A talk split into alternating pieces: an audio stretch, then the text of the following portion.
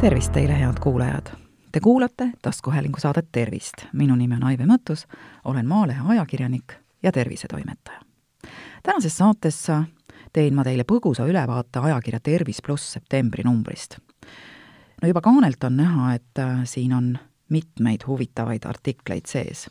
ja kuna ma siin lehti keeran ja ajakirja sirvin, siis kuulete te saate jooksul ka lehekrabinat kuid loodan, et äh, ei lase ennast sellest häirida. esimene selline tervist puudutav artikkel, mis mulle väga meeldis ja mida ma soovitan lugeda, räägib dermatiidist ehk nahapõletikust ja kroonilisest nahahaigusest, mille nimi on ekseem. käsitletakse siis nende tõbede tekke põhjuseid ja sellest, kuidas nende haiguste korral naha eest hästi hoolitseda ja paar lehekülge edasi, õieti üksainus lehekülg keerame ja siin on siis tõesti tõsine, aga oluline artikkel, mis räägib sellest, et efektiivne rinnavähi ennetus saab alguse lihtsatest asjadest. tähtis on nii kodune enesevaatlus kui ka see, et Haigekassa rahastatud sõeluuringul kindlasti osaletaks. nii et hea naisterahvast kuulaja, mõtle järele, millal sa kodus oma rindu viimati uurisid ja kas sa ikka oled sõeluuringul osalenud. aga keerame lehti veel natukene edasi ja jõuamegi selle artiklini, mille ma tänase saate teemaks valisin. artikli autoriks on psühholoog Anneli Salk ja see kannab pealkirja Kui meeleolu lainetab. ning juttu tuleb siis bipolaarsest häirest bipolaarse meeleoluhäirega inimene võib tuttavates segadust tekitada nagu oleks tegu kahe erineva inimesega ühes ja samas kehas. kord on ta seltsiv ja rõõmus, siis aga melanhoolne ja suhteid vältiv. ma ei saa sellest inimesest aru, alles ta oli nii ülevalevalt rõõmus, aga täna vaatab mind jõuetu pilguga ning väldib suhtlemist. kui ma küsin, mis on juhtunud, siis ütleb, et ah, millelgi pole suurt mõtet. tahtmatult jääb mulje, et ma olen kuidagi valesti käitunud, et sellise reaktsiooni osaliseks saan ja ma olen ajapikku märganud, et selline äärmuslik meeleolu vaheldumine kordub sellel inimesel ikka aeg-ajalt. emotsionaalsetel kõrgperioodidel on temaga lausa rõõm koos olla, aga emotsionaalses madalseisus on suhtlemine peaaegu võimatu missioon. huvitav, kust läheb piir normaalse meeleolu kõikumise ja meeleolu häire vahel? ja psühholoog Anneli Salk siis seda artiklis selgitabki lühidalt võib bipolaarset meeleolu häiret kirjeldada nii, et emotsionaalsed kõrgperioodid vahelduvad sügava masendusega. bipolaarse häire emotsionaalset kõrgaega nimetatakse maniakaalseks perioodiks ja sügavat madalseisu depressiivseks perioodiks. kui eesmärgiks on vaimne tervis, siis saavutatakse oma emotsioone juhtides häid tulemusi kuna just emotsioonid teevad elu elamisväärseks, on oluline ennast ja oma emotsionaalseid reageeringuid tunda. ja järgnevalt räägib artiklis loo kolmekümne kaheksa aastane Silja. naine, kes on ennast terve elu impulsiivseks pidanud, kuid kes ühel päeval mõistis, et on ise oma elu keeruliseks elanud. ja räägib ta siis nii. kui mul on hea tuju, siis töö lendab käes ja jõuan palju vajalikke asju ära teha sel ajal on energiat palju, häid ideid külluses ja üleüldse on väga tore olla. selline periood kestab mul tavaliselt kuu kuni poolteist, siis hakkab meeleolu tasapisi langema. ja selleks ei olegi vaja erilist põhjust, piisab lihtsalt liiga pikast päikeselisest perioodist minu elus. madalseisu ajal olen vaikselt omaette, nukrutsen ja kogun jõudu. olen siiani oma meeleolude vaheldumist pidanud kuu naiselikuks mõjuks ühel sellisel positiivsel perioodil tuli mul aga mõte oma elujärge parandada. vana korter maha müüa, pangalaen võtta ja siis osta märksa parem korter. see oli minu arvates väga hea plaan. elasin koos oma kahe lapsega väikeses korteris ja me kõik vajasime rohkem ruumi sõbrad ütlesid küll, et pangalaenu on raske kahe lapse kõrvalt tagasi maksta, kuid minu arvates ei olnud neil veenvaid argumente juhtus nii, et minu korterit müüs asjalik maakler, kes leidis ruttu ostja. tema soovitas mulle ka uut ja palju avaramat. mulle meeldis see korter väga, sain pangast laenu ja ostsingi korteri. kolisin lastega uude kodusse ja olin väga uhke ja õnnelik oma elukvaliteedi parandamise üle. varsti hakkas aga võimust võtma rusu meeleolu. ja ma hakkasin kahtlema, kas ma ikka suudan nii palju töötada, et oma pangalaenu tagasi maksta. Tagantjärele vaadates toimus see koduvahetus minu jaoks liiga kiiresti, olin kõikide nende asjatoimetuste ajal justkui eufoorias olnud mu energiatase oli laes ja asjad edenesid. kui mõte tuli, uskusin, et suudan toime tulla. ja juba oligi mõte teostatud. lastel on küll hea meel uuest suuremast kodust, kuid mina ei saa enam öösiti magada. mõtlen, et riskisin liialt. kahtlen, kas suudan majanduslikult toime tulla.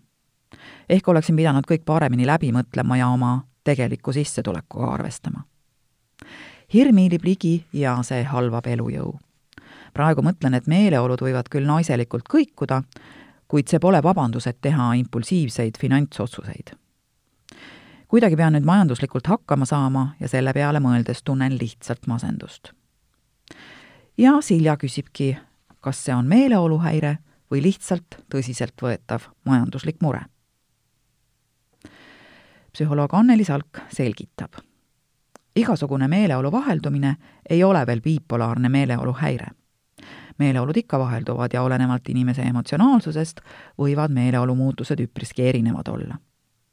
selleks, et kõrgenenud meeleolu saaks nimetada bipolaarse häire maniakaalseks perioodiks, peavad alljärgnevatest tunnustest ilmnema vähemalt neli ja seda ühe nädala vältel. lihtsalt pealtpööritavast õnnetunnest ei piisa, et häirest rääkida. ja maniakaalse perioodi tunnused on siis järgmised mõttetegevus on tavalisest kiirem. mõtlemine on intensiivne ja selge, kuid samal ajal ka hüplevalt katkendlik. raske on pikalt ühele mõttele keskenduda. mõtted vahelduvad, pähe tuleb palju häid ideid, mida tahaks kohe teostama hakata. Kusjuures reaalsuse ja ebareaalsuse piir võib seejuures ähmastuda. raske on aru saada, kus lõpeb päris elu ja algab illusoorne maailm mõtetega kaasneb tunne, et kõik on võimalik tegutsemisaktiivsus on märgatavalt suurem. sellel ajal on eluenergia tase tavalisest kõrgem ja tahetakse aktiivselt tegutseda. paljud olulised asjad saavadki tehtud, kuid suures tegutsemise tuhinas ei ole püsivust kõiki ette võetud asju lõpetada ja võib juhtuda, et osa jäetaksegi pooleli. suureneb vajadus suhelda kuna mõtteid on palju, siis tuntakse vajadust senisest rohkem rääkida. tahetakse ise olla vestluse aktiivsem pool, vestluspartneri mõtetest ei olda kuigi palju huvitatud. sotsiaalne pidurdamatus suhtlemine erineb harjumuspärasest, ollakse palju farmi-, familiaarsemad ja sõbralikumad. tavapärasest kergem on alustada vestlust võõraste inimestega, kuna ollakse avatumad. ja suheldes võidakse muutuda isegi pealetükkivaks vähenenud unevajadus. kuna energiat on rohkem kui tavaliselt, siis väheneb ööpäevane unevajadus koguni paari tunni võrra. magada ei ole aega, kuna teostamist vajavaid ideid on palju. Samuti ei tunta ennast lühemast uneajast hoolimata väsinuna. põhjendamatult kõrge enesehinnang energilisuse ja jõudsa tegutsemise tõttu nähakse ennast paremas valguses. arvatakse ekslikult, et selline energiatulv kestab igavesti kerge ärevus ja pigev, pidevad muudatused tegutsemises. kuna mõte liigub kiiresti ja on muutlik, toob see endaga kaasa aktiivse ja püsimatu tegutsemise. Vahel võivad esineda keskendumisraskused. reaalsustaju nõrgenemine ja liiga riskiv käitumine. sellel ajal võidakse ette võtta asju, mille teostamine käib üle jõu. lähedaste inimeste hoiatustest aga ei hoolita. ja viimane tunnus seksuaalse aktiivsuse suurenemine. kuna eluenergiat on palju, siis tajutakse ennast seksuaalselt võimekana ja tahetakse oma seksuaalsust sagedamini välja elada. Nii et tuletan siis meelde, need olid tunnused, mis iseloomustavad äh, maniakaalset perioodi bipolaarse häire puhul ja need peavad esinema, nendest siis vähemalt neli peab esinema nädala aja jooksul bipolaarse häire korral ei kesta aga aktiivne periood igavesti, vaid see vaheldub depressiivsega. ja depressiivne periood ei ole mitte ainult natuke nukker meeleolu, vaid sellelgi on oma kindlad tunnused, mis viitavad meeleoluhäirele. ja need tunnused peavad kestma kauem kui ühe nädala. esiteks eluenergia vähenemine. see võib väljenduda passiivsuses ja jõuetuses teha oma igapäevaseid toiminguid. asjad, mida plaaniti teha emotsionaalselt kõrgenenud meeleolus, jäetakse unarusse. ei ole energiat, et teiste inimestega suhelda. Madal enesehinnang nähakse ennast kehvemana, kui tegelikult ollakse. võidakse tunda süüd, et ei olda enda arvates piisavalt tublid. unetus või liigne unisus, ka unehäired. kuna ei suudeta rahulikult ja sügavalt magada, siis ollakse kurnatud. aeglasem mõtlemine ei suudeta tulemuslikult mõelda, lükatakse otsuste tegemist edasi või jäetakse sootuks otsustamata halb söögiisu või siis vastupidi, ülemäärane söömine. söögiisu võib kõikuda isutusest kuni liigsöömiseni. oma emotsionaalset tasakaalutust püütakse leevendada kompensatoorse toitumisega. ja lõpuks negatiivne mõtlemine. ei usuta, et asjad võivad hästi minna, tuntakse kurbust. lootusetuse tunne võib üle minna meeleheiteks võidakse endasse kapselduda ja vältida suhtlemist. kuidas aga meeleolu stabiilsemaks muuta?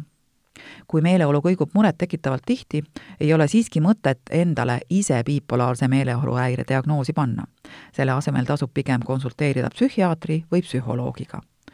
tavaliselt selgub konsultatsiooni käigus, kas tegu on meeleoluhäire või lihtsalt meeleolu sagedase kõikumisega.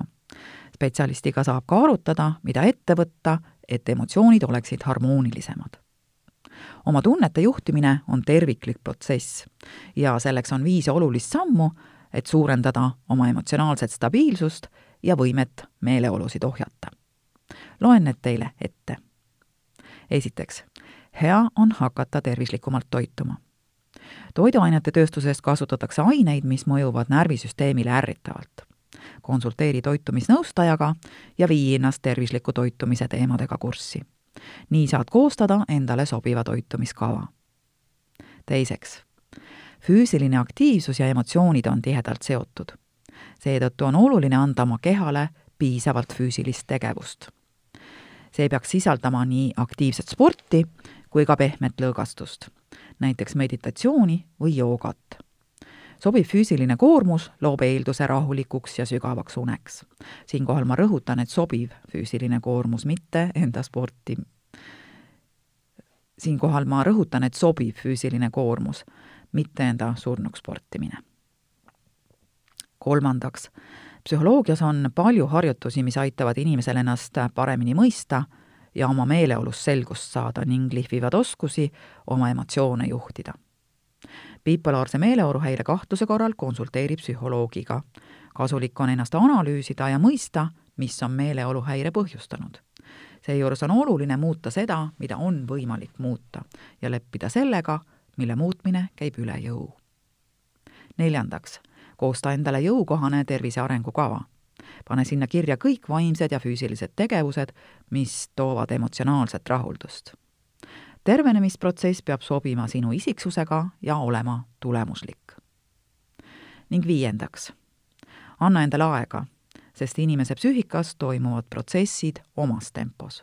oluline on, et head tulemused oleksid püsivad. head kuulajad, te kuulasite taskuhäälingu saadet Tervist. saate leiate Delfi podcastide pesas tasku nutirakenduste Spotify, Apple Podcasts, SoundCloud ja teised.